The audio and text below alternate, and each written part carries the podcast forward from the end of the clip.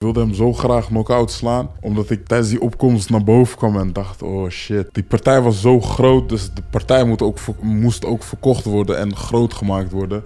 Dat wel eens dingen werden geknipt en geplakt, dat ik dacht, hé. Hey. En die vertelde mij, ja, je gaat niet meer terug naar je moeder, maar je gaat straks met mij binnen een crisis opvangen. Toen dacht ik, ik heb heel vaak gehuild als ik dan op zondag wegging. Omdat ik niet wilde natuurlijk, vooral aan het begin. Dat is onwennig, je ziet je moeder degene waar je van houdt, degene die je vertrouwt. En dan moet je eigenlijk terug naar jouw verzorgers waar je niks mee hebt. En dan kom je in die zaal denk je, wauw, daar zit 20.000 plus man. Dat is gek, chaos, je ziet alleen maar flitsen. En dan hoor je ook nog een liedje die voor jou is gemaakt voor die wedstrijd. Dat moment was echt van, oké, let's go. En dan ga ik en dan eh, gaat de bel en dan is hij ook kwetsbaar. En, eh, Heb je die kwetsbaarheid gevoeld ergens? ja, dat was die ene stoot dat hij dat die echt goed kreeg. En even naar achter moest van, hé, oké. Die wil ik niet nog een keer krijgen. Hey, what up? It's Game, man. Nando. Hey, what's up? Yo, this is 50 Cent. Hey, this is Rihanna Fernando. Hey, yo, Fernando. What's up? DJ Khaled. Hey, what's up, everybody? This is J Balvin. Nando Lick, okay? Okay, okay. Fernando. X is in that station for a reason, baby. All right? Nando Licks. Real talk. Yeah, what up, your boy Fernando. Welkom bij Real Talk, de podcast. Mijn eigen talkshow, baby. Keep it hard and keep it banging. Dit is die podcast die je sowieso moet checken voor al die gekke, diepe interviews. Dus als je het kanaal tof vindt en je wilt nog meer grootheden hier zien, abonneer, like, subscribe. Je kent het verhaal. It's all about the good vibes. Dus voor je good vibes, geen haat in je lijf vandaag. Klik, klik, klik, klik, klik. Support the movement.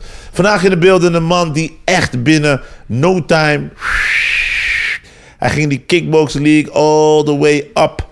Die man is humble, die man is rustig, hij komt van ver. En hij gaat zijn hele verhaal vandaag uitleggen. Een paar weken geleden zag je hem vechten tegen Rico Verhoeven. Dat liep anders dan hij had verwacht.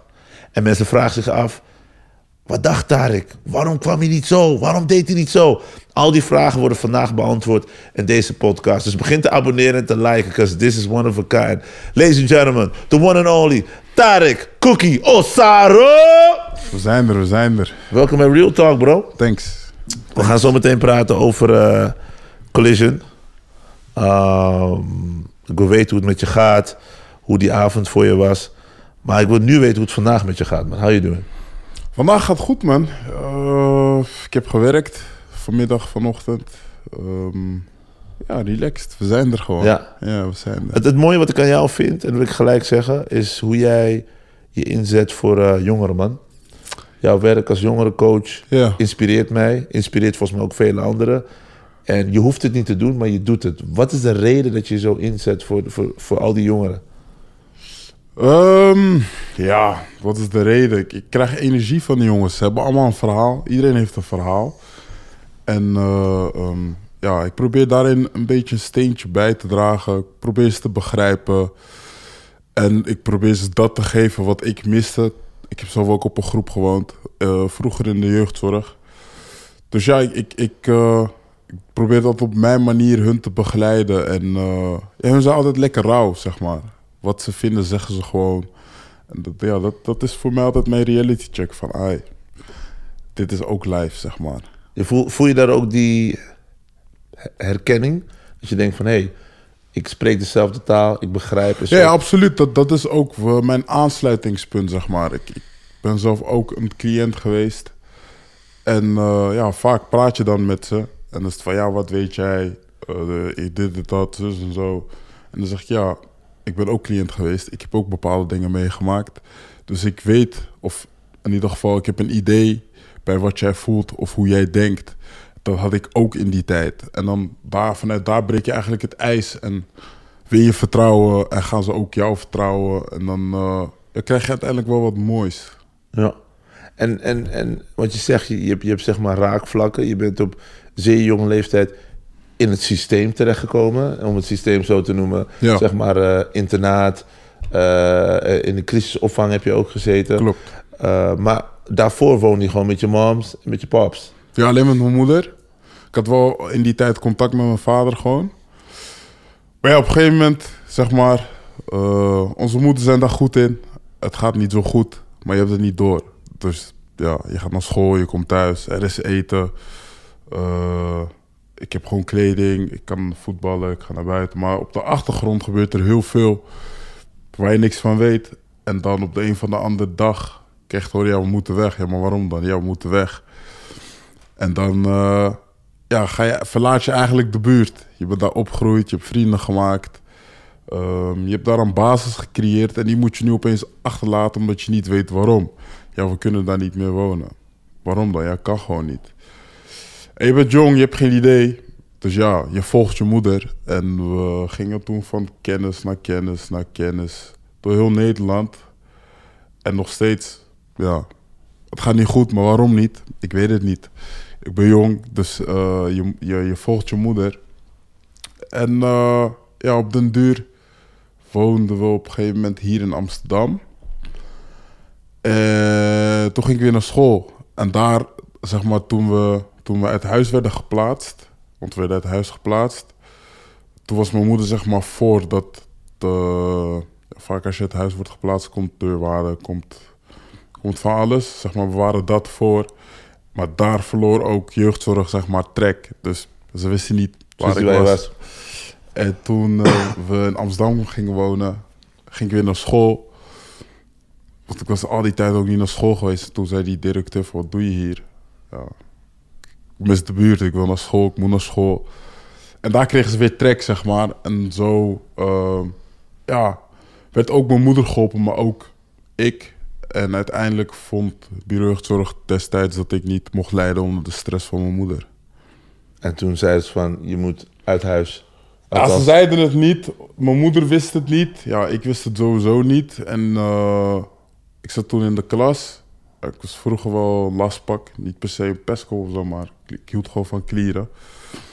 Dus ik moest vaak op het matje geroepen worden. En eh, nu kwam de directeur en die vroeg of ik mee wilde. Dus iedereen dacht van, "Huh, wat, wat heeft hij nou weer gedaan? Als de directeur komt, dan heb je het geflikt. En ik liep toen met hem mee naar zijn kamer en daar zat, ehm, destijds noem- noemde je dat een plaatser. Die zat daar en die vertelde mij, ja, je gaat niet meer terug naar je moeder, maar je gaat straks met mij naar een crisisopvang. En toen dacht ik, shit, fuck. Wat is dat? Dat dacht ik als eerste. En de tweede, ik ga, ik ga niet naar mijn moeder. Dus dat kan niet. Ik moet maar je naar was mijn moeder. tien of zo, toch? Ja, ik was tien. Dus eh, toen ging ik met hem mee naar dat crisisopvang, fietsen in de kofferbak. Eh, mijn moeder ondertussen bellen, bellen. Mijn moeder natuurlijk ook overstuur. Ehm, aangekomen op crisisopvang. Ja, ze vertelde mij hoe het daaraan toe ging. Maar niks kwam binnen, want ik dacht, ik wil hier niet zijn. Ik wil naar mijn moeder.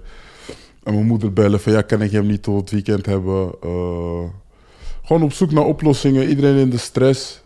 En toen zat ik daar op een crisisopvang. Eigenlijk twee rijtjes huizen naast elkaar, waarvan de muur eh, ja, in het midden gebroken is. En we woonden met acht of tien jongeren. En ik was tien. En de oudste na mij was vijftien. Dus er zat gewoon een gap tussen mij en de jongste zeg maar, Ja. van de jongeren. En eh, ja, daar begon eigenlijk eh, vroegtijdig volwassen worden voor mij. Ik moest mijn kamer opruimen. Kende dat niet. Ik moest mijn bed opmaken. Ik wist niet hoe. Ik vroeg of ik kleren kon wassen. Toen kreeg ik eh, een emmer met wasmiddel en werd mij uitgelegd hoe de wasmachine werkte. Toen moest ik mijn eigen kleren wassen. Eh, ja, allemaal dat soort dingen. En je bent tien, maar de jongste na jou was 15, 16, 17. Sommigen waren 18. En je moet toch blenden in die groep. Dus ja, wat ik zeg, vroegtijdig volwassen worden. Je gaat toch met hun mee in bepaalde dingen. Je ziet bepaalde dingen. Zij hebben het over hele andere dingen. Ze hebben het waarschijnlijk over vrouwen en seks en alles Dat dingen. soort dingen, ja. En, Ja. en, en ik Ja, ben tien en ik denk, ja oké. Wat is dit? Is apart. Ja. Dus ja, daar begint eigenlijk, eh, begon mijn leven als vo- volwassen, als jongere. Eh, op mijn tiende ja, moest je meekomen in de groep en meedoen of eh, meepraten. Ja, dat, dat was in die tijd zuur, maar was moeilijk. En hoe vaak zag je je moeder dan? Kon je haar nog zien in die periode? In het Of- begin eh, ging dat stroef en op een gegeven moment mocht ik elk weekend mocht ik naar mijn moeder. Je kreeg daar ook elk vrijdag zakgeld als je je kamer had schoongemaakt. En als ik dat had gehad, ging ik naar mijn moeder in Amsterdam. En dan op zondag weer terug en dan weer maandag tot en met vrijdag daar. En dan weer in het Het lijkt me weekend hard naar mijn verscheurend dat je dus... Dan zie je moeder weer en dan moet je weer tegen de natuur in weer weg bij je moeder. Is het ook. Ik heb heel vaak gehuild als ik dan op zondag wegging, omdat ik niet wilde natuurlijk, vooral aan het begin, dat is onwennig. Je ziet je moeder, degene waar je van houdt, degene die je vertrouwt, en dan moet je eigenlijk terug naar jouw verzorgers waar je niks mee hebt. En eh, dat is pittig. Vooral aan het begin was het heel pittig, maar op een gegeven moment, ja, je hebt geen keuze, dus het went wel en het, is oké en je doet maar omdat je toch weer terug moet in dat systeem. Hoe heeft die ervaring je gevormd? Want ik kan me voorstellen wat je zegt van... ja, je hebt geen keus, dus op een gegeven moment leg je erbij neer. Maar het doet waarschijnlijk ook iets met jou... en hoe je ook naar de wereld kijkt. Want zeg maar, je, je, je, ja, je bent een- waarschijnlijk een mama's boy. Ja, ja, ja. Ja, dus, dus, dus Ja. dat is je alles, toch? Dus, Ja, dus en dan ga je dus... Ik wil hier niet zijn, ik wil daar zijn. Het kan je ook heel boos en heel agressief maken. Want er zijn natuurlijk ook... Kijk, iedereen gaat om met emoties op verschillende manieren. De ene heeft een keuze om kalm te accepteren. En denkt, weet je wat, ik word toch ouder. En op een gegeven moment komt het weer goed. Ja. Maar de andere denkt, nee. En die gaat zich bijvoorbeeld te verzetten. Je hebt al invloeden van boys die wat ouder dan jou zijn. Die misschien ook bepaalde bagage meebrengen. En bepaalde invloed. Ja. Hoe, hou, hoe blijf je in balans en blijf je toch cookie? Ja, eh, ik moet heel eerlijk zeggen, ik heb nooit daar echt stil bij gestaan. Maar ik ben van mezelf wel heel, eh, ja, let it be, go with the flow. Eh, ik heb in die tijd sowieso veel boosheid gehad, omdat, eh, ja, er gebeurde gewoon heel veel onrecht naar mijn moeder toe, vond ik. Dus alles wat, zeg maar, misging, was de schuld van hun. En dat uitte ik dan ook. En ik had ook wel eens gewoon... eh, ja, ruzies of, of woede-uitbarstingen dan. Maar ja, in de kern was ik gewoon altijd relaxed. En wat ik zeg, go with the flow. Ik ging gewoon mee. En iets in mij zei dat het komt, het komt sowieso goed. Het, uiteindelijk komt het goed. En ik kan weer naar mijn moeder. Moeder zei ook, je komt hier gewoon bij mij. Dus daarin hield ik wel nog hoop van... Oké, als ik dit uitzit, dan komt het uiteindelijk goed. En ben ik gewoon weer met mijn moeder. En wanneer kwam je weer bij je moeder? Want je was vanaf je tiende weg. Dat is het grappigste eigenlijk uiteindelijk helemaal niet. Wauw. Ik eh, heb toen crisisopvang gehad. Acht maanden. Toen ben ik naar een eh, internaat verhuisd. Toen was ik... Toen werd ik elf. En daar heb ik tot mijn zeventiende gezeten. Toen ging ik naar kamertraining. Dan word je voorbereid om op jezelf te gaan wonen. En toen ging ik eh, naar begeleid wonen. Dan ben je eigenlijk zelfstandig, maar heb je wekelijks contact. Maar ja, ondertussen, je bent... Ik was toen tien, toen ik weg bij mijn moeder ging. En ja, acht jaar lang bouw je... We hebben vroeger in Amersfoort gewoond. Ik woon daar nog steeds. En acht jaar lang bouw je daar dingen op. Vrienden, voetbal, eh, school, werk. Dus ja, op een gegeven moment was ik 18. En eh, ja, zelfstandig genoeg. Dus ik, ik kwam op een gegeven moment voor best wel een moeilijke keuze, moet ik eerlijk zeggen. Was 18. ehm, ik ging naar school, ik voetbalde en ik werkte. En ik mocht kiezen of terug naar mijn moeder. Die was ondertussen gevestigd hier in Amsterdam. Die had alles in orde. Of op mezelf gaan wonen. Ehm, en toen eh, had ik dat gerekt. Ik dacht, ja, die keuze is nu heel moeilijk.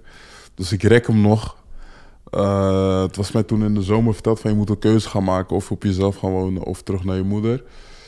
En ik had het gerekt, gerekt, gerekt. En op een gegeven moment in die tijd eh, was ik 18. Ik kreeg studie, ik werkte. En ik kreeg ook nog geld van de groep. Dus je had best veel geld. En ik had geen verstand van financiën. Dus alles wat binnenkwam ging tien keer zo hard eruit. Ja. Dus er was ook geen buffer om op mezelf te gaan wonen. En eh, op een gegeven moment kwam ik, voor, eh, kwam ik echt voor die keuze. Want toen had ik nog maar een maandje en toen moest ik daar weg.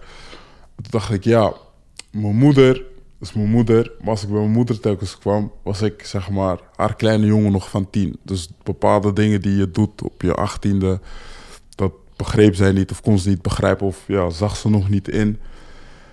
En dat stoorde soms, dat ik dacht, ja, als ik straks naar mijn moeder ga, moet ik dat weer helemaal opnieuw gaan bouwen. eh, om uiteindelijk daar ook weer rust te gaan krijgen. Maar ja, ik kon ook niet op mezelf eh, gaan wonen, want er was geen buffer om en borg te betalen en mijn inboedel. Dus toen eh, kwam ik voor een hele moeilijke keuze. En toen eh, een van mijn beste vrienden, zijn moeder, die kreeg daar lucht van. En die zei op een gegeven moment, weet je wat je anders doet? Kom maar bij ons wonen. Dus toen kon ik bij hun gaan wonen. Nog in Amersfoort. Ik moest haar natuurlijk wel wat geven voor mijn verblijf daar. En toen ben ik bij hun ingetrokken. En eh, heb ik daar vanaf mijn achttiende tot, tot ik mijn eigen huis kreeg gewoond. Dus ik ben eigenlijk nooit teruggegaan naar mijn moeder. Wauw. Maar ik ben eigenlijk eh, ja, een soort van verder gegaan. En eh, uiteindelijk nu, ja, ik ben nog steeds elke dag met mijn moeder, Ja. als ik kan. Maar ik ben niet meer uiteindelijk thuis weer gaan wonen, zeg maar. Maar, maar had je daar moeite mee? Want je zei, je ging op een gegeven moment rekken. Had je een soort loyaliteitsgevoel van... dat je zegt van, hey, ik wil ook bij mijn moms... of ik wil, ik wil ook weer volwassen zijn en verder gaan. Was dat waarom Ik, je... ik, had, ik had geen op zich... Natuurlijk heb ik die loyaliteit, maar ik had niet eh, ehm, zoiets van... Oh, ik moet naar mijn moeder, want als ik niet naar mijn moeder ga... eh, ehm, ja, dan ben ik mijn moeders kind niet of zo. Wat was echt... Wat, wat knaagde in die tijd was van... eh, ja, ik ga alles achter moeten laten... om vervolgens weer alles weer opnieuw op te bouwen. Plus nog de band met mijn moeder. Dat was in die tijd voor mij, denk ik, te veel. Achteraf denk je, ja, contacten leg je altijd. Dus op zich had het gekund. Maar in die Ja. tijd was dat voor mij eventjes te veel. En ik kan me nog heel goed herinneren, de dag dat ik haar dat dus vertelde, dat ze zei, ja, het systeem heeft je helemaal gebrainwashed en ik ben je moeder. Dat ik toen wel die lo- loyaliteit, conflict met mezelf had. Ik dacht, oh shit, wat doe ik nu eigenlijk? En op een gegeven moment, eh, ja, meerdere gesprekken over gehad. En toen was het ook wel weer goed en kon ze zich er ook bij neerleggen. En was ook aan de andere kant weer blij dat ik toch nog in Amersfoort kon blijven, toch nog mijn dingen kon doen. En ze was die moeder van mijn beste mattie voornamelijk dankbaar dat zij mij opving. Ja. Ja, mooi man. En ben je nog steeds cool met die mattie van je? ik heb nog steeds huissleutel zelfs. Oh, wauw. Dus, ja, dus ik, ik kom daar nog. Zo. Het is eigenlijk mijn bonusmoeder, zo noem ik haar ook.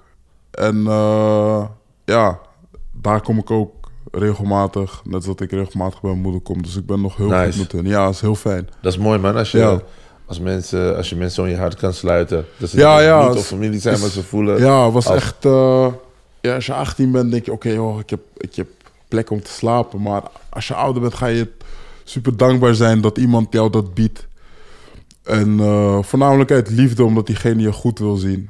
Dat is, dat is mooi. Niet heel veel mensen doen dat. Ja. Mooie Ja. dingen, maar mooi. En, en, en, want je was in die tijd ook met voetbal bezig. Ehm, je werkte hard, het ging lekker. Maar ergens kwam de switch en kwam kickboxen in je leven. Wanneer was dat punt? Dat je dacht van, oké, ik stop met voetbal. Ik ga me focussen op kickboksen. Ehm, Ik ging, eh, ik ging toen voetballen in de senioren in Biddinghuizen. En toen kwam ik daar, maakte ik een wereldgoal. En toen was het van oké, hij is die guy. Op hem kunnen we bouwen. Toen raakte ik geblesseerd. Toen kwam ik weer terug. Raakte ik weer geblesseerd. Toen we daar weer van hersteld.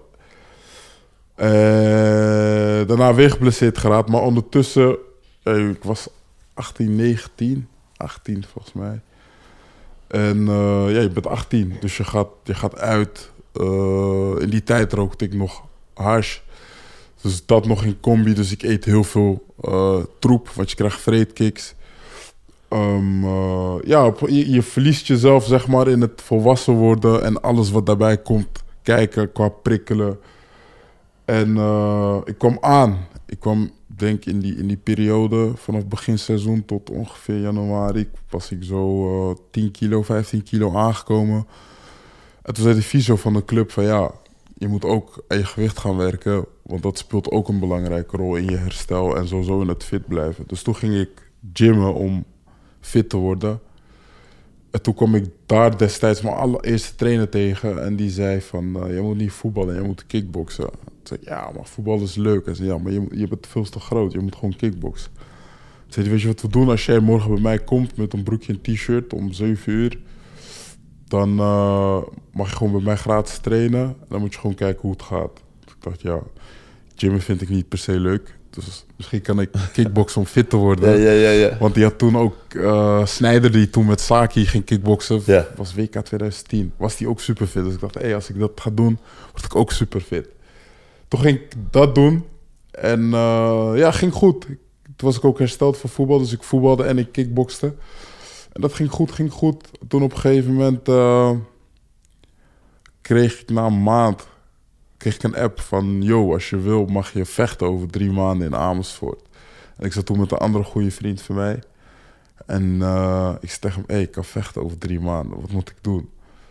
En hij zei van, eh, wat heb je eigenlijk te verliezen? Als je gaat vechten en je verliest, ja, je was toch voetballer, lekker boeien. Als je wint, ben je de man. Ja. Dus eigenlijk heb je niet zoveel te verliezen. Toen zei ja, maar je hebt gelijk. Toen zei hij, eh, als je het gaat doen, dan ben ik met jou, ga ik je sponsoren. Gaan we samen dit traject in. Tot hij je gesponsord. Ging ik volop trainen, twee keer per dag. Daarnaast nog op de dinsdag en donderdag trainen. Dus dat ik twee keer kickbox en nog voetbal. En eh, op een gegeven moment werd dat te veel. Begonnen ze tol te eisen. Tot ik een keer getraind. Kickbox, was in de middag. Toen was ik in slaap gevallen op de bank. Toen werd ik na trainingstijd wakker. Dacht ik, shit. Toen had ik de trainer geappt van... eh, had ik hem de situatie uitgelegd. Ik ben aan het kickboksen. Dat was meer om fit te worden. Man, ik kan ook vechten over eh, eh, drie maanden. Dus ik ben volop aan het trainen daarvoor. Maar ik wil ook het voetbal nog blijven doen. Tweede, tweede ja, leuk dat je dit doet. Respect, keihard. Maar dan mag je seizoen afmaken in de tweede. Toen dacht ik, ja, ik ga niet elke keer drie kwartier reizen om mee te doen eh, met de tweede. Voor mij is het sowieso of alles heel goed proberen te doen of laat maar. Dus ik tegen hem, dan bedank ik al bij deze. Dan ga ik even nu focussen op kickbox en dan volgend seizoen ga ik kijken of ik dichterbij kan voetballen. Toen had ik gevochten drie maanden later. Had ik hem gewonnen. Toen dacht ik, ja man, dit is het Ja. ik sta mijn eentje in die ring. Eh, ik moet zelf moet ik mij voorbereiden op een partij. Als ik win, heb ik, eh, heb ik gewonnen. Als ik verlies, heb ik verloren. Eh, je kan niemand de schuld geven. En bij voetbal, je bent met elf man. En je had altijd wel... Ja, maar je hebt vandaag... jouw schuld, man. Ja, Jij. ja. nee, maar jij, maar ik, keeper, wat doe je? Ja, ja. Zeg maar, dat had je niet met vechten. Ja. En dat sprak met allermeeste aan. Want Ja. ik, ik geef soms aan 100% op het veld. Maar collega-verdediger geeft 30%. Ja. Dat, is, eh, dat was voor mij dat ik soms dacht, ja, maar ja, hoe ga ik elke keer 100 geven en jij geeft maar 30? Dat is niet eerlijk. En met kickbox moet ik 100% geven. En als ik, als ik 100% geef, win ik. En als die 100% niet genoeg is om te, om te winnen, dan moet ik weer gaan trainen. Om uiteindelijk wel die 100% te halen om toch te winnen. En dat sprak mij het allermeest aan. Toen zei die trainer van, ja, is leuk, je hebt nu je eerst gewonnen. Maar misschien verlies je volgende en wil je het helemaal niet meer. Toen zei ik, nee man, als ik elke keer hard genoeg blijf trainen en alles geef, dan is de kans klein dat ik verlies. Toen zei ja, dat zeg je nu. Ik zei, ja, 100%. En toen ben ik eh, volop gaan kickboksen, had ik voetballen bedankt in 2015.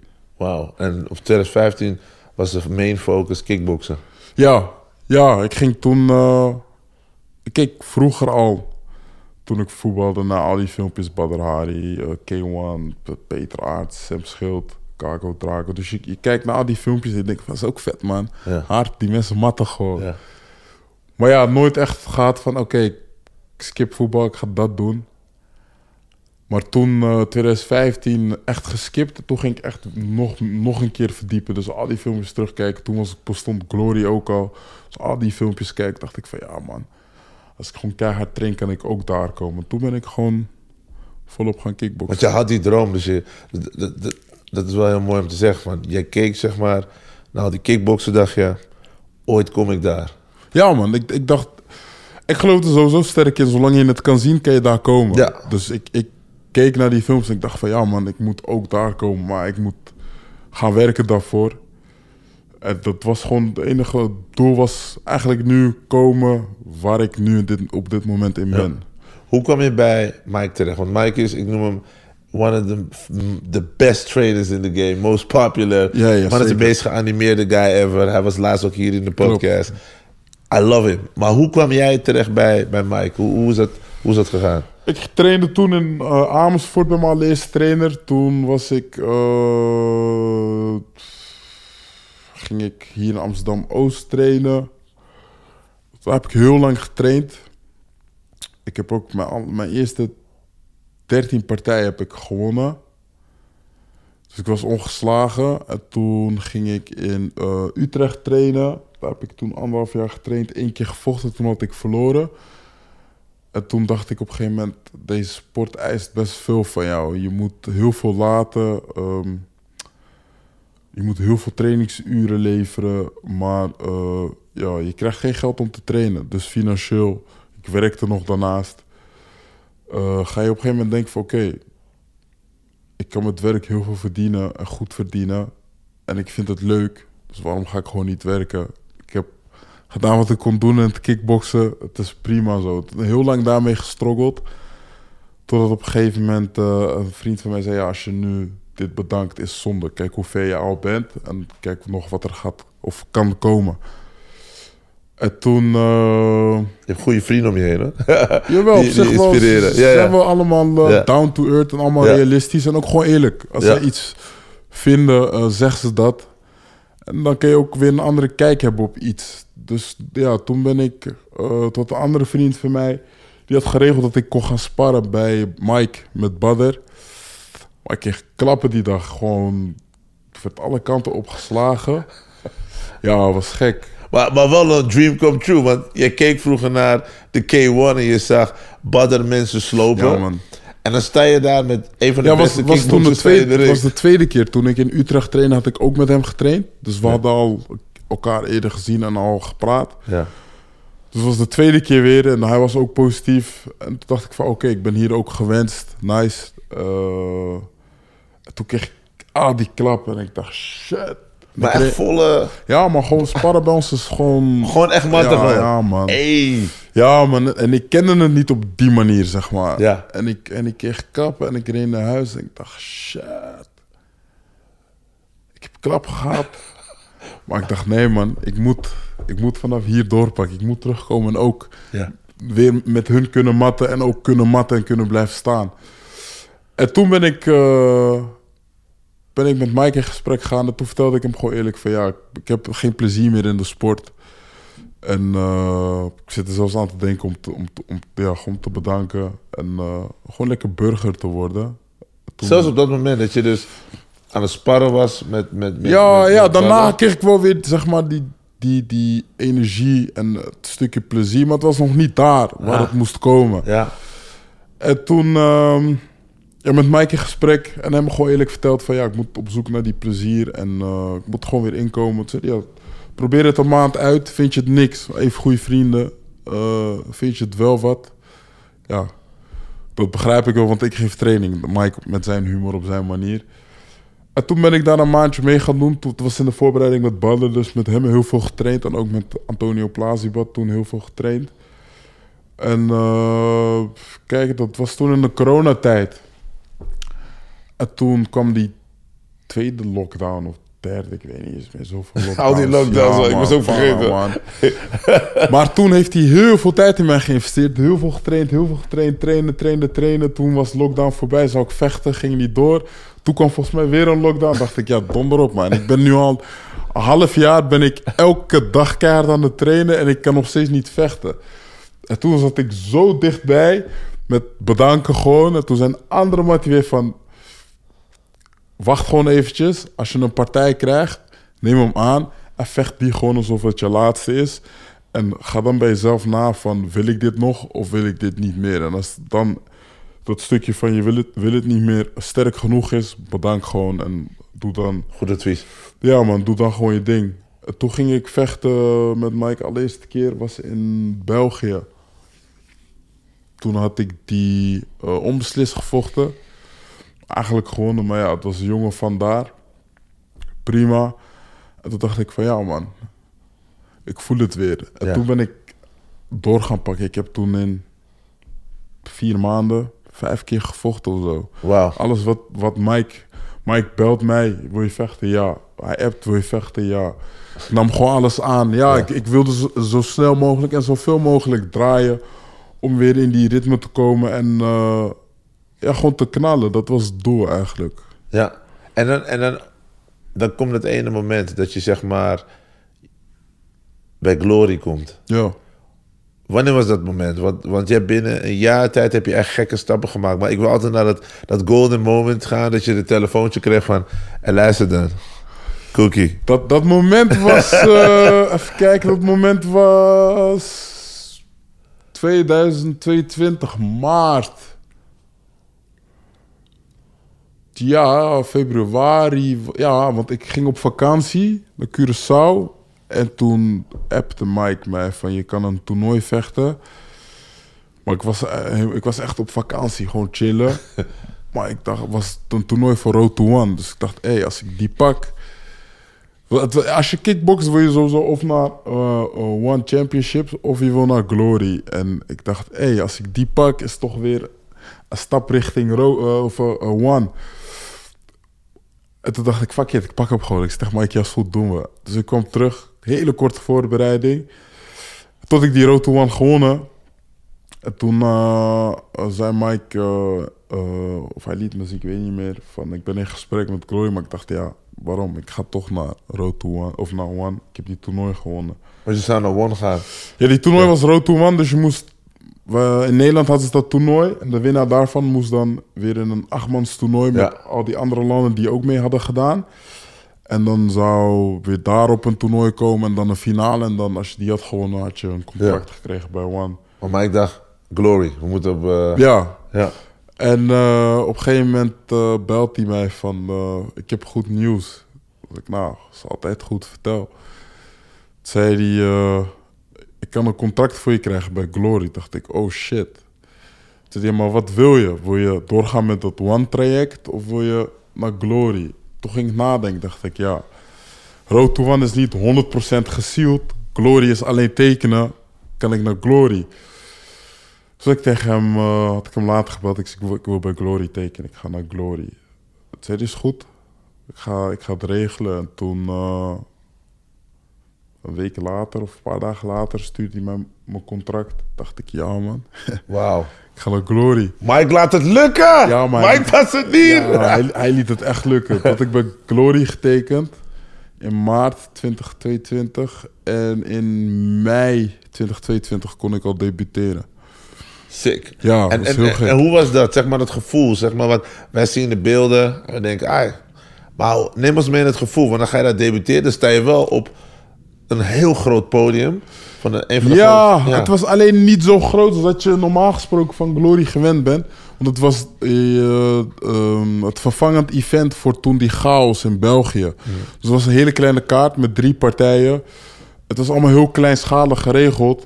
Dus ik kreeg niet de, de, de full Glory experience die je normaal gesproken hebt. Maar je zit vol spanning. Je denkt, shit man, ik moet nu, nu eigenlijk de mens gaan laten zien van... Ik, ik wil ook mee gaan doen met jullie grote jongens daar. Ja. Dat, dat, dat, ja, dat vraagt veel voor je, van je. En je moet... eh, ja, je komt in een hele andere focus. Je bent ook hongerig, want je, je moet nu... Eigenlijk is het een soort auditie. Je moet nu laten zien van... Ja. Laat zien wat je kan. Ik hè? heb wat in huis. Ja, ja. ja, ja. Dus dat, eh, ja, dat was gek. En, en na- natuurlijk voor de mensen om je heen. Je zit bij Glory, dus je bent nu ben je grote vechter. Dus iedereen is ook vol eh, spanning met jou aan het meeleven. Maar ja, dat ging goed. Het was niet de full Glory experience. Maar ik won hem op knockout.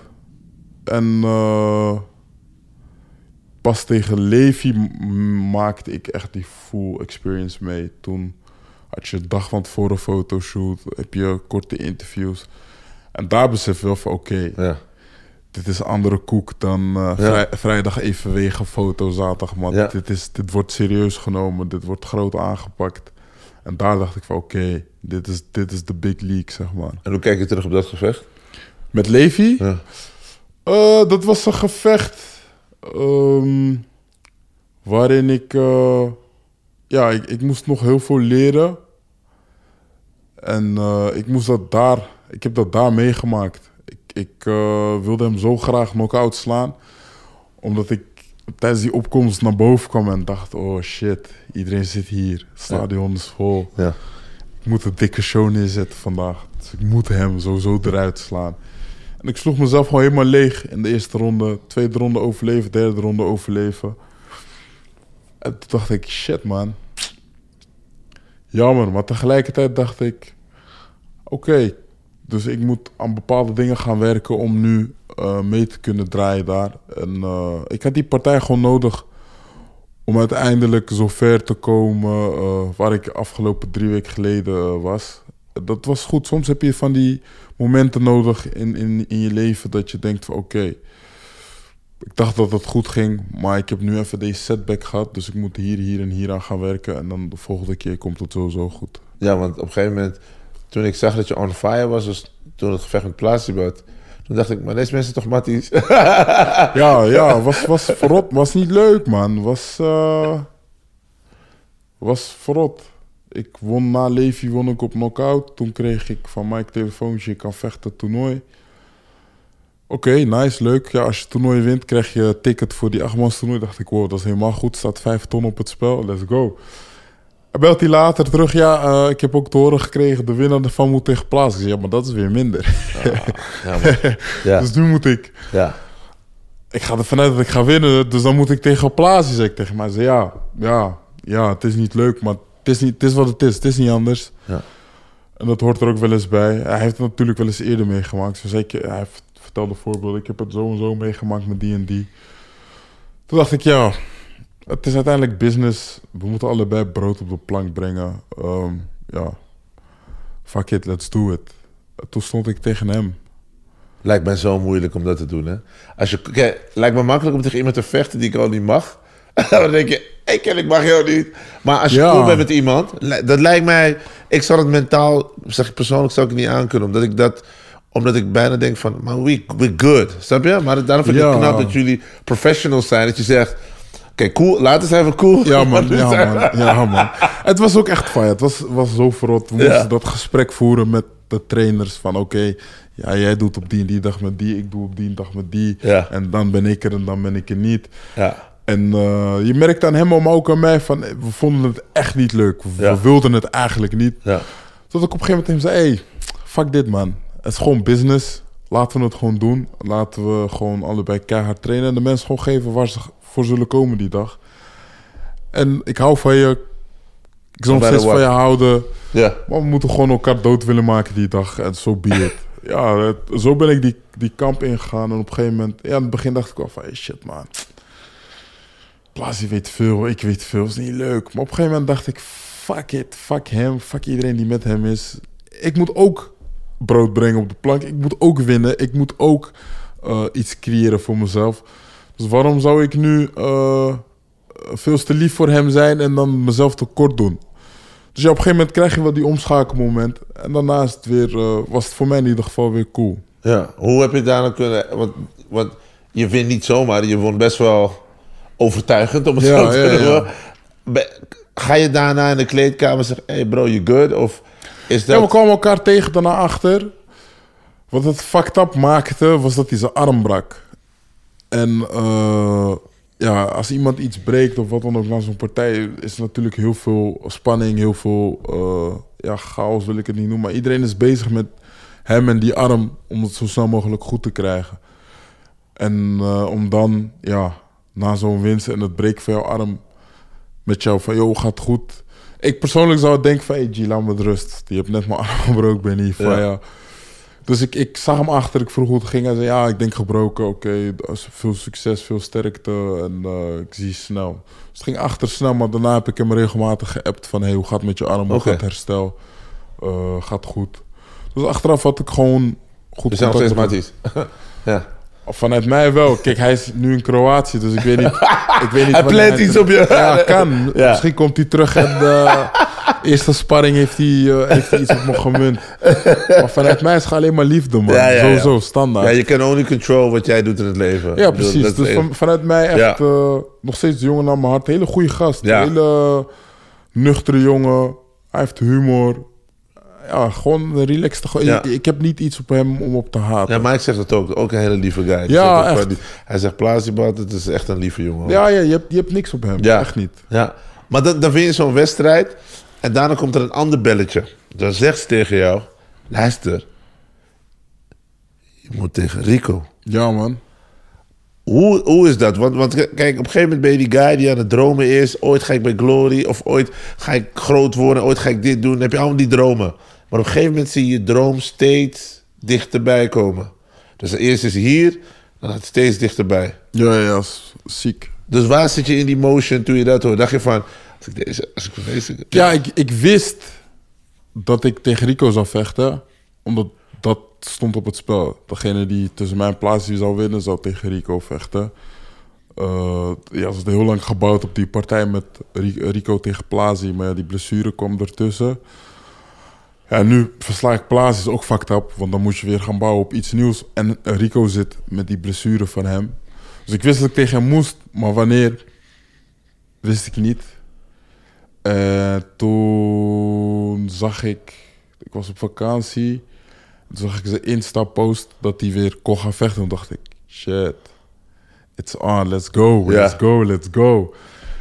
En toen dacht ik van ja man, ik zit nu erin. En heel eerlijk gezegd niet eh, zo in het moment stilgestaan van... hé, hey, dat waren vroeger dromen en nu komt het uit. Totdat een mattie van mij zei van... besef jij gewoon dat jij eigenlijk dit al jaren geleden hebt gemanifesteerd... en nu eh, leef je die droom. Er zijn niet veel mensen die iets zeggen acht jaar geleden... en acht jaar later gebeurt het. Hij zei, dat is een blessing man. Ja, man. Toen hij dat zei, dacht ik, ja man. Zie je weer goede matties om je heen die jou de juiste informatie... Ja man, klein, klein, mooi. het klinkt nu alsof ik twintig matties heb, Ja. is niet. Klein kringetje, Ja. maar ze zijn allemaal wel met mij en ze denken met me mee. Belangrijk. Of ze praten met mij. En toen hij dat zei, dacht ik van ja, lijp. En toen besefte je van, oké, dit is er staat veel op het spel. Ja. Ik kan hier mijn geschiedenis schrijven. Ja. Ik kan hier misschien wel de eerste Nigeriaanse kickbokskampioen van de wereld worden. Ja. Maar dan voel je pressure. Wat, wat gaat er nog meer door je heen? Want dit, dit, dit is aan het opbouwen. Op een gegeven moment wil iedereen interviews met je doen. Iedereen nodig je uit voor interviews. En Ja, dat is gek. Kijk, eerst ben je eigenlijk een nobody. Ik was niemand. Tot aan dat toernooi niemand. Eh win je die toernooi, ja, oké, jij moet tegen Plaza, maar je bent nog steeds niemand. Je wint van Plazi. Die partij met Rico staat vast. Eigenlijk ben je nog steeds niemand. Je hebt van Plazi gewonnen, maar wie ben jij? Totdat die partij met Rico komt, dan is het oké, maar wie ben jij? Dus dan wordt het inderdaad heel druk. Eh, daar interview, daar podcast, daar eh, interview, daar dit, daar zus, daar zo. Dus iedereen wil weten wie, wie is Cookie eigenlijk, want wij kenden jou niet en je bent opeens die nieuwe tegenstander van Rico. Dat, is, dat was veel, want ja, je moet eigenlijk soort van elke keer kennis maken weer met een platform of met mensen en je verhaal weer doen. Om zo de wereld eh, beeld te geven van, ja, dit ben ik en dit heb ik gedaan om uiteindelijk hier te komen. En dat is, eh, is, is ja, wat ik zei, film ook heel bijzonder. Zeg maar dat je op een gegeven moment toch daar komt en je verhaal mag doen. eh, en ook daarmee weer andere mensen kan inspireren of misschien motiveren. Dat, maakt, dat maakte het voor mij heel leuk. Ik heb veel goede reacties ook gehad. Het komt ook met negatieve reacties, maar vooral de goede reacties in het begin voornamelijk, die deden mij goed. Gewoon dat mensen mij stuurden van, hey G, eh, ik heb dit, dit en dit in mijn situatie, maar door jouw verhaal heb ik nu zoiets van, hey, ik moet doorgaan. Dan denk ik van, ja, oké. Los van die hele partij, ik heb nu iemand toch zo ver gekregen om ook wat te gaan maken van zijn leven. Dat is eigenlijk wat ik elke dag probeer. Gewoon het Ja. beste ervan te maken. We hebben allemaal een rugzak, maar er is toch wel licht aan het eind van een tunnel, zeg maar. Maar als jij bijvoorbeeld zulke positieve verhalen aan het vertellen bent op al die verschillende platforms, dan zijn er toch mensen die negatief reageren. Mhm. Maar wat zeggen ze dan? Van wie is deze guy? Ja, tuurlijk. Eigenlijk waar het op neerkomt is... Wie denk je dat je bent en denk je dat je hem zomaar kan verslaan? Daar komt het eigenlijk op neer in de kern. Maar iedereen reageert op zijn of haar manier daarop. Ja, eh, is het verrot? Ja. Maar het hoort bij deze sport, het hoort bij topsport. Eh, Had je het verwacht, zeg maar? Want kijk, in principe kom je vanuit niets. Nou, niet vanuit niets of zo. Maar ik bedoel, je hebt, je hebt dat grote toneel nog niet zo beleefd. Ja. Dus je bent ook niet gewend aan wat media kan doen en hoe mensen Ja. met dingen. Dus, dus, dus hoe heb je dat? Hoe heb je dat? Ik moest wennen, heel eerlijk gezegd. Ik, eh, kijk, die negatieve reacties, ehm, ja, je hebt daar geen invloed op. Ik denk vaak ook eh, bij zulke reacties, denk ik, ja, ik denk als je in mijn schoenen had gestaan, zou je nooit zo reageren. Dus ik denk dat je geen flauw idee hebt van wat er gebeurt. En eh, ik moest heel erg wennen aan. ehm, die partij was zo groot, dus de partij moet ook, moest ook verkocht worden en groot gemaakt worden. Dat wel eens dingen werden geknipt en geplakt. Dat ik dacht, hé, hey, we missen heel veel context in deze shot. Hoe, hoe creëren jullie nu, nu iets en een beeld van mij wat helemaal niet zo is? Zo ben ik helemaal niet. Daar moest ik heel erg aan wennen van, hé, oké. Het gaat nu om eh, een groter bereik. Het gaat nu om eh, ja, een grotere wedstrijd. Dus hij gaat nu ook gespeeld moeten worden om zo die wedstrijd te bouwen en zo de hype te creëren. Dat was voor mij allemaal nieuw. Want, want het beeld waar je op doelt is dat er zeg maar... Dat het overkwam alsof jij die trash talker was. Juist, ja, precies. Ja, ja. En dat ik het eventjes ging regelen. Ja. En, maar Want zo kwam het ook op mij over. Maar ik, ik zit wat langer in het veld, in het vak. Dus ik weet van... Alles wat je ziet is niet zeg maar precies hoe het is. nee, zeker niet. Dus, maar ik dacht, ik dacht, maar hij zei van, I'm bringing the smoke. Ja, bringing the En toen zag ik hem weer zeggen van, ja, you're gonna see my smoke. Dus ik dacht van, maar wat van het, want dit is real talk, dus hier krijg je het echte verhaal. Wat zei je nou echt? Wat is de context van wat je echt vertelde tijdens die persconferentie? Want jullie gingen heen en weer. Tijdens die persconferentie werd mij gevraagd van... Hef had die tune gemaakt. En vanuit de pers werd mij gevraagd van... Er is een nieuw liedje uitgekomen. En ik vroeg hem van... Wat vind je het van? Ja, leuk, ha, hard. eh, wat ga je morgen brengen in de ring? Het liedje heet Alle Smoke. Dus dan is het logisch dat ik zeg Alle Smoke. That's Ja. it. Ja. Dus het is niet dat ik zeg, ja, ik ga alle smoke brengen en ik ga hem ook... Nee, man. eh, Die, die man vraagt om die tune. Dus ik reageer op hem. En hij vraagt, wat ga je brengen? En hij verwacht dat ik ga zeggen, ik ga dit... Nee, man. Ik- die tune heet Alle Smoke. Jij vroeg naar die tune. Dus dan is het voor mij makkelijk om te zeggen, Alle Smoke. Ja. En dan voelt hij misschien, oké, ik moet nu ook hier iets op gaan zeggen. Terwijl ik ben gewoon zo'n droogkloot. Ik zeg dan gewoon, ja, Alle Smoke. Zeg. Maar dat is mij, ook mijn humor, zeg maar. Ja. Gewoon lekker eh, makkelijk. Van ja, is goed, ik breng alle smoke morgen. Dus het is helemaal niet van, ik, ik, ik hou niet eens van trash talk. Kijk, kijk, je mag lekker bij de hand zijn. En ik kan ook bij de hand zijn als dat nodig is. Maar het hoeft allemaal voor, voor mij niet. Ik zeg wel altijd wat ik plan om te komen doen. Dat is bommen gooien. Eh, ja, zoals ik altijd zeg, blijf ze staan hebben een leuke partij. Blijf ze niet staan en gaan ze neer, heb ik gewonnen. Eh, en in dit geval helaas, bij de laatste partij bleef die staan, maar gebeurde er niks. Maar dat is zeg maar de plan. Dus ik kom niet met, ja, ik ga hem een knock-out slaan en eh, I want to eat his heart. I'm gonna, nee man, ik, dat is niet mijn ding, zeg maar. Maar, maar in bijvoorbeeld het, interview bijvoorbeeld bij RTL Nieuws, daar zei je van, ik wil winnen, ik ga ervoor. Ja. Ehm, hey, die man heeft een eh, heftige knieblessure gehad, hij heeft lang niet gevochten, hij, hij is met acteren bezig. Dus je somde een aantal dingen op waaruit de kijkers zou denken van, oké, hij is gebrand om hem te pakken ja, en hij ziet de mogelijkheid. Was het ook echt iets wat je dus geloofde en zag van dat dat misschien zijn weaknesses waren, omdat hij een zware knieblessure had gehad en dat hij met andere dingen bezig was los van kickboksen? Zag je daarin een opening en een mogelijkheid? En niet per se opening mogelijkheid, maar dat als jij veel prikkels hebt eh, en jij hebt, hebt dan. eh, hij was geblesseerd, hij heeft zijn eigen show gehad, hij heeft toen die film gemaakt. Het is allemaal prikkels. Dan ben je niet volledig bezig met waardoor jij al die dingen kan doen. En dat is wat ik eigenlijk benoemd van oké, hij, heeft, hij heeft dit, hij heeft dat, hij heeft zo, zo. Dus ik verwacht niet dat hij eh, net zo eh, scherp was of net zo sterk was of is dan dat hij altijd was voordat hij al die eh hijsa om hem heen kreeg. Dat is wat ik allemaal opzomde Ja. in aanloop naar die wedstrijd toe. En in de wedstrijd, had je het gevoel dat je hem had onderschat? Of was hij... eh, want wij, wij kijken op afstand, hè? dus Mhm. wij kijken... Dus we hebben al die beelden gezien. Wat je zegt, heel veel knip en plak. Maar zeg maar, we hebben alle beelden gezien. We hebben de smoke en dit en dat. Maar iedereen, heel veel mensen in de zaal denken van... The pressure is on. Cookie, Ja, ja. je hebt het te doen. Weet je, eh, Rico, dit en dat voordat jij die ring instapt, heb jij zo'n zware bagage op je rug? Voel je die pressure van, ik moet nu of gek gaan aanvallen? Want wat is jouw gameplan voor die wedstrijd? Wat zegt Mike tegen jou in de kleedkamer? Wat was de gameplan van jou? Ehm, eh, Mike was sowieso voor die wedstrijd kort pas terug in de kleedkamer. Want eh, die andere jongen van ons moest vechten voor die titel. Maar het is eigenlijk meer van... eh, eh, wat hij altijd doet. Jou oppeppen om klaar te, klaar te staan voor die wedstrijd. En ik wist dat er pressure was. Er was heel veel pressure zelfs. Maar heel eerlijk... Op het moment dat ik zeg maar naar de ring liep... merkte ik die pressure niet. Want ik had ook zoiets van: hé, hey, ik doe nu iets zo groot. Ik mag hier ook van genieten. En ik had niet zoiets van: oh shit, als ik faal, gaat dit, dit en dit met mij gebeuren. Dus ik had niet zozeer last van: oké, hij is die man, hij moet het doen. Maar ik had zoiets van: ja, man, oké, ik ben nu dit aan het doen. Die long walkout, dat is gek. Dat was iets wa- wat ik zag en nu was ik onderdeel ervan. En dan kom je in die zaal, denk je: wauw, daar zit 20.000 plus man. Dat is gek. chaos. Je ziet alleen maar flitsen. En dan hoor je ook nog een liedje die voor jou is gemaakt voor die wedstrijd. Dat moment was echt van, oké, let's go. En dan ga ik en dan eh, gaat de bel.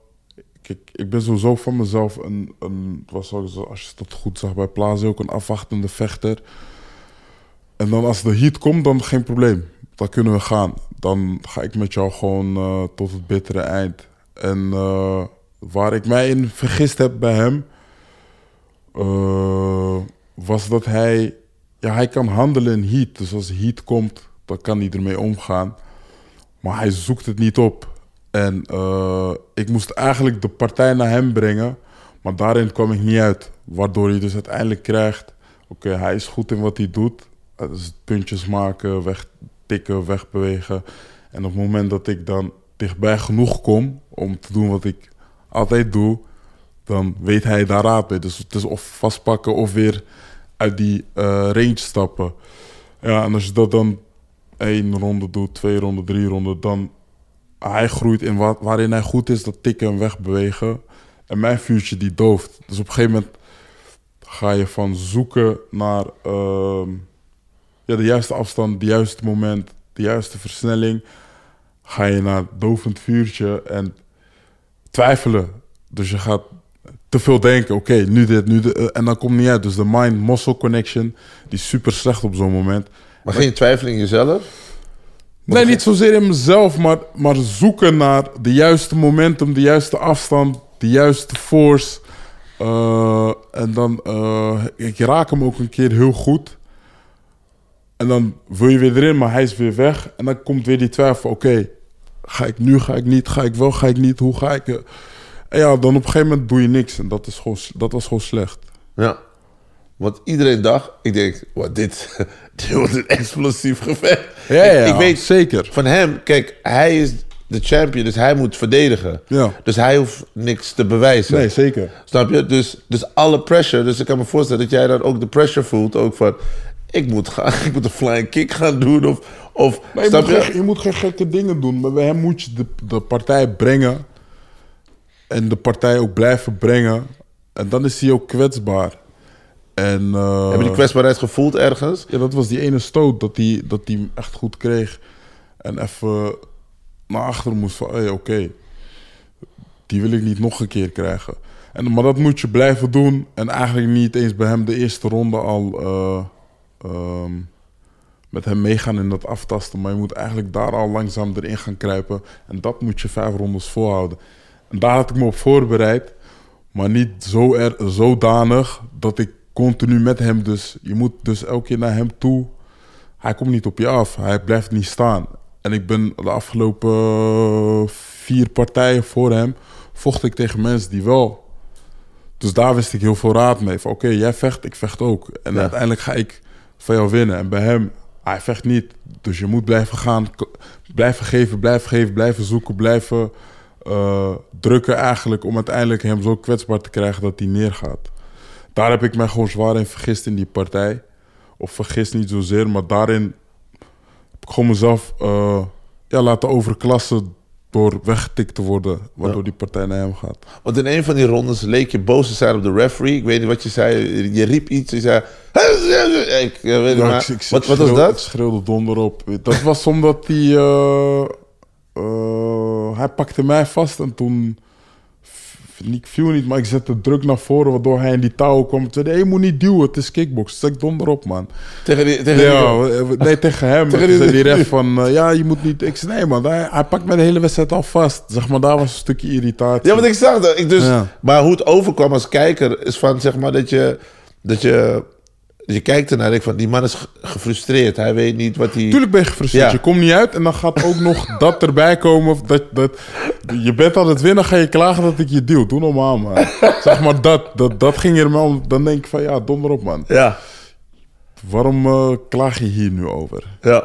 Want ik dacht, want omdat, omdat een aanlopen naar die wedstrijd. Want je hebt ook getraind met Jamal Ben Sadiq. Ja. advies gekregen ook. Ja. Ook van, van, van Badr. Wat hebben ze jou meegegeven wat je, wat je hebt toegepast? Of wat je zou moeten toepassen? Want zij hebben dus die ervaring met hoe hij vecht. Ja, dat is dat tikkertje, dat tikwerk van hem wat hij doet. Gewoon tikken, tikken. Eh, het is allemaal punten. Het is niet zozeer dat hij jou eruit wil slaan. Ja. Eh, en dat voornamelijk. Dus ik was, hij, is, hij is altijd actief. Alhoewel vond ik hem niet zo super actief als het hij normaal gesproken is tegenover mij. Normaal doet hij veel meer acties in één actie van hem. En daar was ik mee bezig. Oké, als, als hij komt, gaat hij heel veel doen. En dat moet ik onderbreken en dat overnemen. Maar elke keer als hij kwam, waren het één of twee dingen. En dan was hij alweer eh, weg. En ja, wat ik zeg, daar is het helemaal misgelopen. Ja. En als je. ehm, en dan hoor je op een gegeven moment. doe, want wanneer besef je dat. Dat, je, de- ja, dat het over is eigenlijk? Dat is, want het gebeurt volgens mij voordat de laatste bel gaat. Ja, de, de laatste ronde heb je rust en dan zegt Mike van ja, je, je, moet, nu, je moet nu gaan. En eh, ja, dat besef je zelf ook van je moet gaan en dan wil je gaan, maar ja, je bent volgens mij ook een moment dat sla ik drie, vier stoten mis. Ik ben aan het zoeken, zoeken, maar hij is ook achteruit aan het wegrennen. Ja, je bent al die, die laatste drie rondes aan het zoeken, twijfelen, gefrustreerd. Dan op een gegeven moment heb je zoiets van ja, ik kan wel blijven zoeken, zoeken. Te, je wil iets forceren, maar wat ik zeg, mind muscle connection is daar niet. Dus het komt er gewoon niet uit. Het Is het, er is helemaal het, niet is het uit. ervaring, denk je? Is dat, Tussen mij en hem. Nee, nee, dat stukje van die mind muscle waar je het over hebt bij jezelf. Is dat een stukje ervaring, zeg maar gewoon. ehm, waarin hij natuurlijk heel veel partijen al heeft gedraaid. Dus hij leest heel snel. Oké, dit is wat hij gaat doen, dit is dat. Dus, maar voor jou, wat, wat heb je geleerd van het gevecht op basis van wat je doet als vechter? Onder andere ook dat, dat mind-muscle connection. eh, heel veel dingen, ehm, wat of heel veel dingen, een aantal dingen die in mijn tactiek anders moeten. In mijn approach naar gevechten en vechters toe. Dus het is, het is een eh, hele zware, leerzame partij geweest. Niet zozeer zwaar fysiek, maar gewoon mentaal. En, en eh, ja, wat ik zeg, in, in hoe ga je dingen nu aanpassen en toepassen in jouw eh, ja, nieuwe tactiek of een andere vorm van vechten. Want stel, ik zet jullie morgen weer in de ring tegen elkaar. Wat doe je nu anders? Morgen ga je nu weer vechten. Dan is, ik nu. dan is het vanaf minuut één gewoon gassen, gassen, gassen, Dan ga je gassen. gewoon drukken. gassen. Ja, tuurlijk. En, en dat gevecht met hem opzoeken en dat gevecht met hem proberen te houden. En eh, eh, ja, da- daarin hem kwetsbaar maken. We hebben allemaal gezien dat hij ook kwetsbaar is. Dat hij ook gewoon neer kan gaan. We hebben ook gezien dat hij eh, opstaat en terugvecht. Maar dat gevecht moet je dus met hem blijven aangaan. En uiteindelijk breekt een van de twee. Dus of hij of jij. Dat, dat, dat zou in ieder geval... Kijk, nu klinkt dat makkelijk. Dan denken mensen, je gaat alleen maar beuken, beuken, beuken. Het zou, het zou wel doordacht zijn. Maar dat zou een van de andere nieuwe eh, manieren zijn om dat gevecht met hem aan te gaan. Ja. Ik denk, ik denk ook dat elk... Ik zie het zeg maar niet...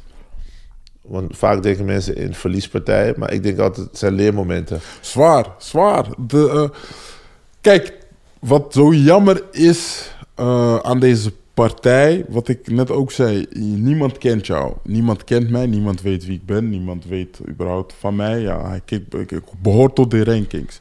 En dan groeien. En dan willen mensen weten wie je bent. En dan is het van ja, ah, gaat niet halen, oké. En dan op een gegeven moment creëer je zo'n vertrouwen bij die mensen die eerst twijfelden dat ze toch voor jou zijn. En dan stel je ze eigenlijk teleur. En dat, en dat, dat is jammer. Zeg maar, je creëert een nieuwe fanbase en een nieuwe groep aan vertrouwde mensen. En die hebben vertrouwen in jou.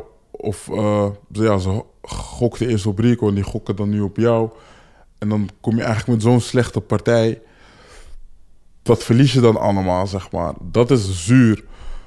Maar op zich, voor mij in de kern, eh, kan raar klinken, was dit allemaal pure winst. Ik heb hier lessen uitgetrokken. Ik heb, eh, eh, ik heb toch nog een doel behaald. Wat, wat je als kickboxer hebt als je begint. Vooral mijn gewichtsklasse. Eh, ik was onderdeel van iets historisch. We hebben wereldwijd meer dan een miljoen kijkers gehad. Dat was een record. Meest, ehm, wat was het die dag? De meeste afgesloten abonnementen op Videoland binnen een dag. Dus ik ben ergens ook onderdeel geweest van iets heel moois. En Ja. eh, tuurlijk, het is een bittere pil die je slikt, die verlies. En de manier vooral waarop, als je terugkijkt, dan denk je, ja, gadverdamme man, wat slecht. Maar aan de andere kant zie ik ook wel heel veel mooie dingen eh, van het proces en van de weg die ik heb mogen bewandelen naar die partij toe. Ik heb daar eh, ja, nieuwe relaties, nieuwe connecties. Ik heb door die tune met Hef een goede band met hem eraan overgehouden.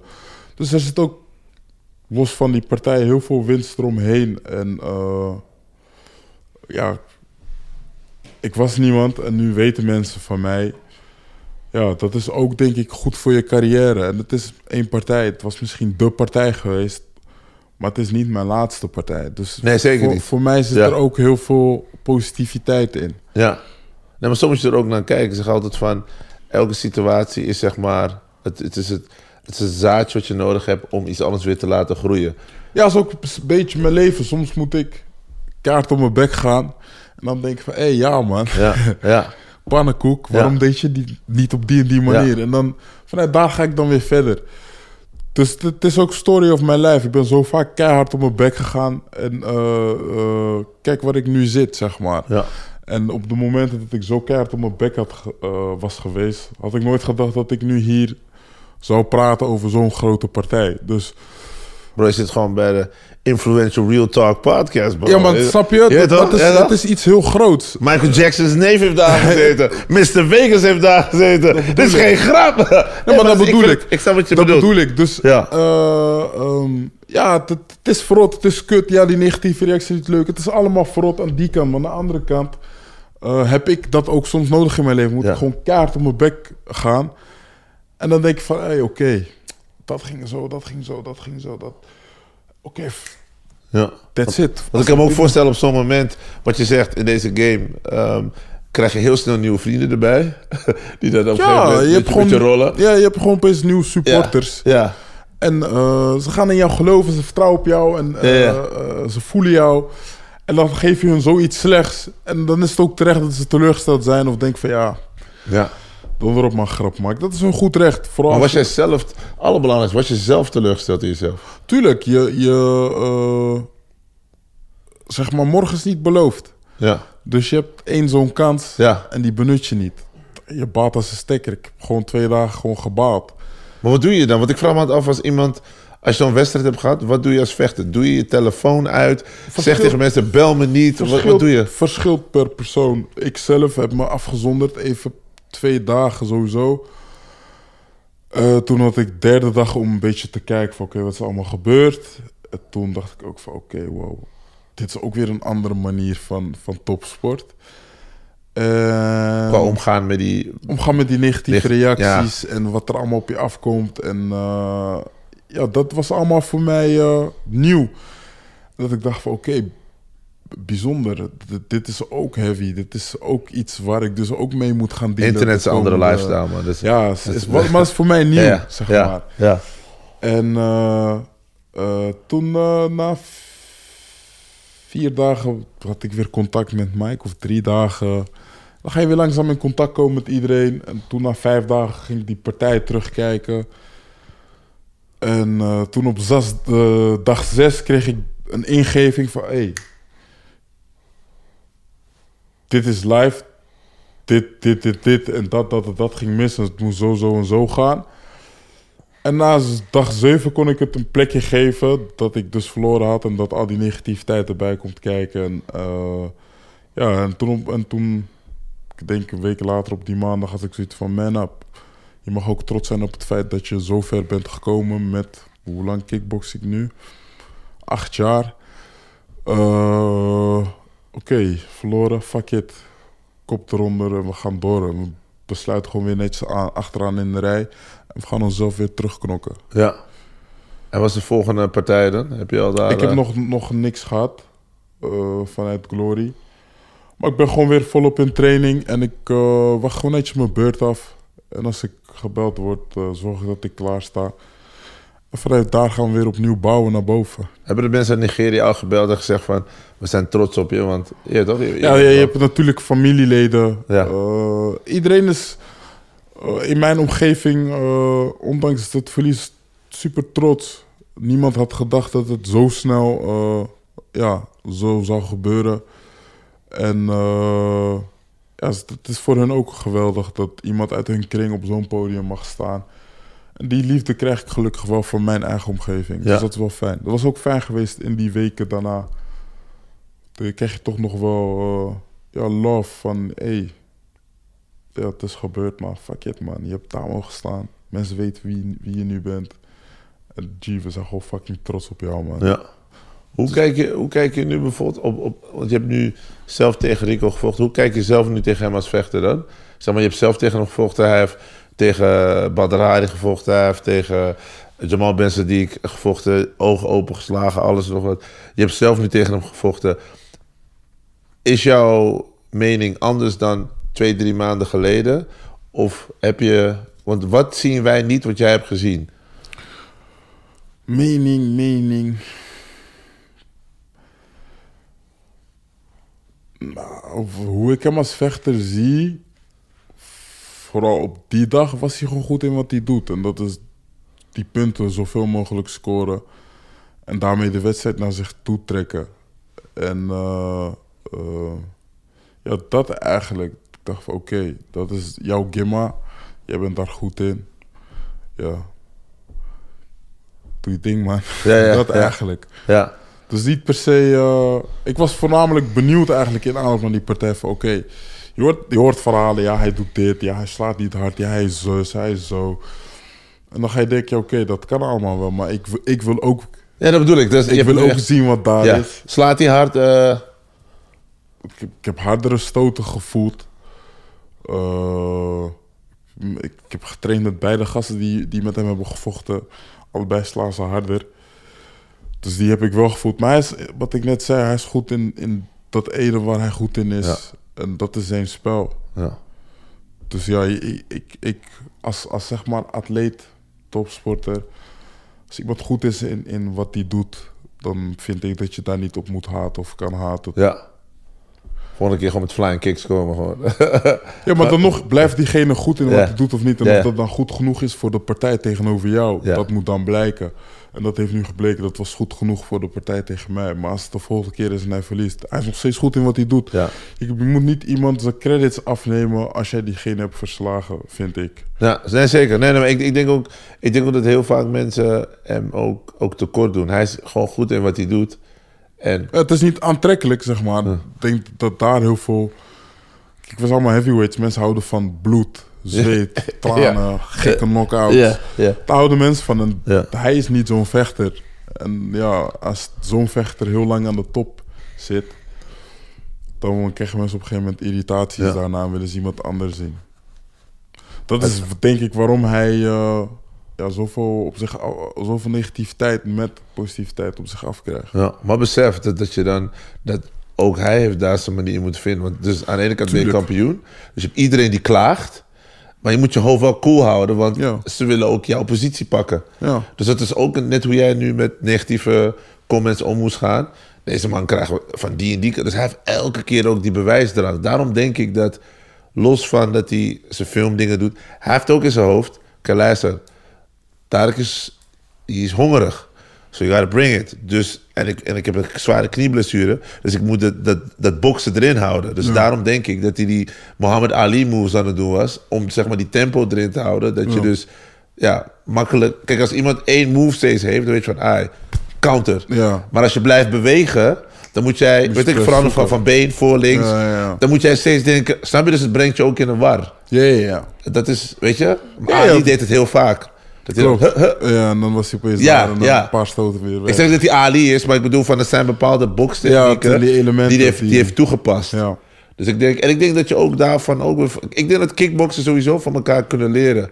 De, de, de knockout kickboxers kunnen weer dingen leren van een gast die op een andere manier vecht en andersom. Ja, ja, tuurlijk. Want een knockout opzoeken betekent ook dat je in een danger zone komt. Ja. Want als ik een knockout bij jou kom opzoeken, dan kan ik hem ook terug. Ja, ja, ja, ja, precies. Snap je? Dat is dangerous. Snap je? En, en, is en, gevaarlijk, en, ja. en het maakt niet uit hoe goed of hoe... Weet je, kijk... Een knockout is one knockdown away. Het is, is... Kijk, iedereen heeft een knockout stoot. Als jij iemand goed... Goed raakt, ja, ja. It's komt gone. gewoon uit. Ja, Maakt niet uit hoe sterk je bent. Ja, ja. Nou, ja, dus ik denk... Het gaat niet per se om de kracht bij een Nee, knockout. Daar het is- vergissen mensen zich. Ja, Het mensen denken vaak... timing. Je moet hard slaan. Het is niet hard slaan. Nee. Dus kan, je nu, kan je nu zo hard blijven slaan en je gaat nog steeds in elkaar. Ja. Het is gewoon de timing op het juiste moment. Wanneer de ander het niet verwacht of de spieren zijn ontspannen. En Ja. Boom. Ja. Dat, dat is een knockout. Maar ik wil sowieso tegen jou zeggen, man. Ik, ik ben freaking trots op je. Thanks, love. Dat mag gezegd worden. Dat is, daar is deze podcast ook voor. Ja. Ehm, mensen bloemen geven. Omdat vaak durven mensen niks hardop te zeggen. Ik zat hier laatst met Walid Benbarik en wij waren ook helemaal... Ja, we hadden een ander gevecht eh, verwacht en dat. Ik, zeg, ik zei ook op een gegeven moment in de camera... Cookie, kom naar Real Talk en tada. je weet toch, lobby. Ik, ja, maar, maar ik wil je sowieso ook credits geven, want... You started from the bottom, you went to the top. Ja, man. En, en, en, en het heeft niet misschien meteen het beoogde resultaat gehad, maar het heeft wel een resultaat gehad die je nodig hebt om nog verder te komen. Ja. Want je leert niks van winnen. Snap Ja, je? ook, maar op een andere manier. Ja, andere manier. Maar, Ja. maar winnen is, kijk, de beste, kijk, de beste vechters en de, en de mensen die leren van hardships. Klopt. Omdat als jij van nul komt, of onder nul, dan moet je veel meer stappen maken. En wanneer je hebt gewonnen, dan ga je het waarderen. Ja. Dus op het moment dat jij nu een ander gevecht hebt, denk ik, ah, je, gaat an- je gaat anders denken. Ja, die Je- hele je- mindset is veranderd. Ja. Het is eigenlijk gewoon weer, eigenlijk weer een nieuw succes of nieuw hoofdstuk Ja, in, in, in Ja. het boek. Eh, en dit maakt je meer gebrand om... Kijk, Rico heeft in het verleden ook verloren. Hij heeft ook wel eens Ja, Jamal ja, mensen die tuurlijk. ook verloren. Dus, maar al die, al die losses, vormen je bent. Ja, en die zet je weer in. Ja, het, is, het is zeg maar niet, zeg maar... En dat, dat probeer ik mensen ook in deze, in deze podcast ook te vertellen van... Het maakt niet uit als je een keertje op je bek gaat, of je valt, of je... Of je het gaat erom wat je daarna doet. Hoe vaak ga je opstaan? Ja, Want dat is hem, hè? Dat, bouwt karakter. Niet van, oh ja, hoe kan je omgaan met... Kan je stoten uitdelen, maar kan je ook incasseren... en kan je ook weer opstaan, opstaan, ja, om die move te maken. Dus daarom ben ik trots op jou. Omdat je komt hier in Real Talk, je vertelt je verhaal... je stelt je kwetsbaar op, maar je legt ook uit wat je mindset was. je zou ook man. kunnen denken, nou, ik ga geen interviews meer doen, dit en dat. Nee, je komt gewoon... Nee, tu- tuurlijk, als je je interview van tevoren doet, moet je hem ook daarna kunnen doen. En als er gevraagd wordt wat je dacht of hoe je voelde, eh, ik ben ook zo nuchter om dat gewoon te doen. Ik denk dat dit de beste platform sowieso was om als eerste eh, die verhaal naar buiten te brengen. En ja, w- ik kom uit een, uit een situatie waarin je altijd kwetsbaar bent en ook een stukje kwetsbaar moet opstellen. En daar heb ik in de loop der jaren mee, mee leren omgaan. En eh, ja, het vormt mij wie ik ben. Het is wat ik zeg, het is kut. Maar het leven gaat door, zeg maar. Ja. En, en eh, ja, om dan nu te denken van, laat maar. Nee man, het is een nieuw hoofdstuk. En ik heb nu voor dit hoofdstuk heb ik dit en dit en dit. Dit zijn de les, lesstoffen. En dan eh, kijken we hoe we dit hoofdstuk weer gaan afsluiten. Ja, man. Je hoort het, man.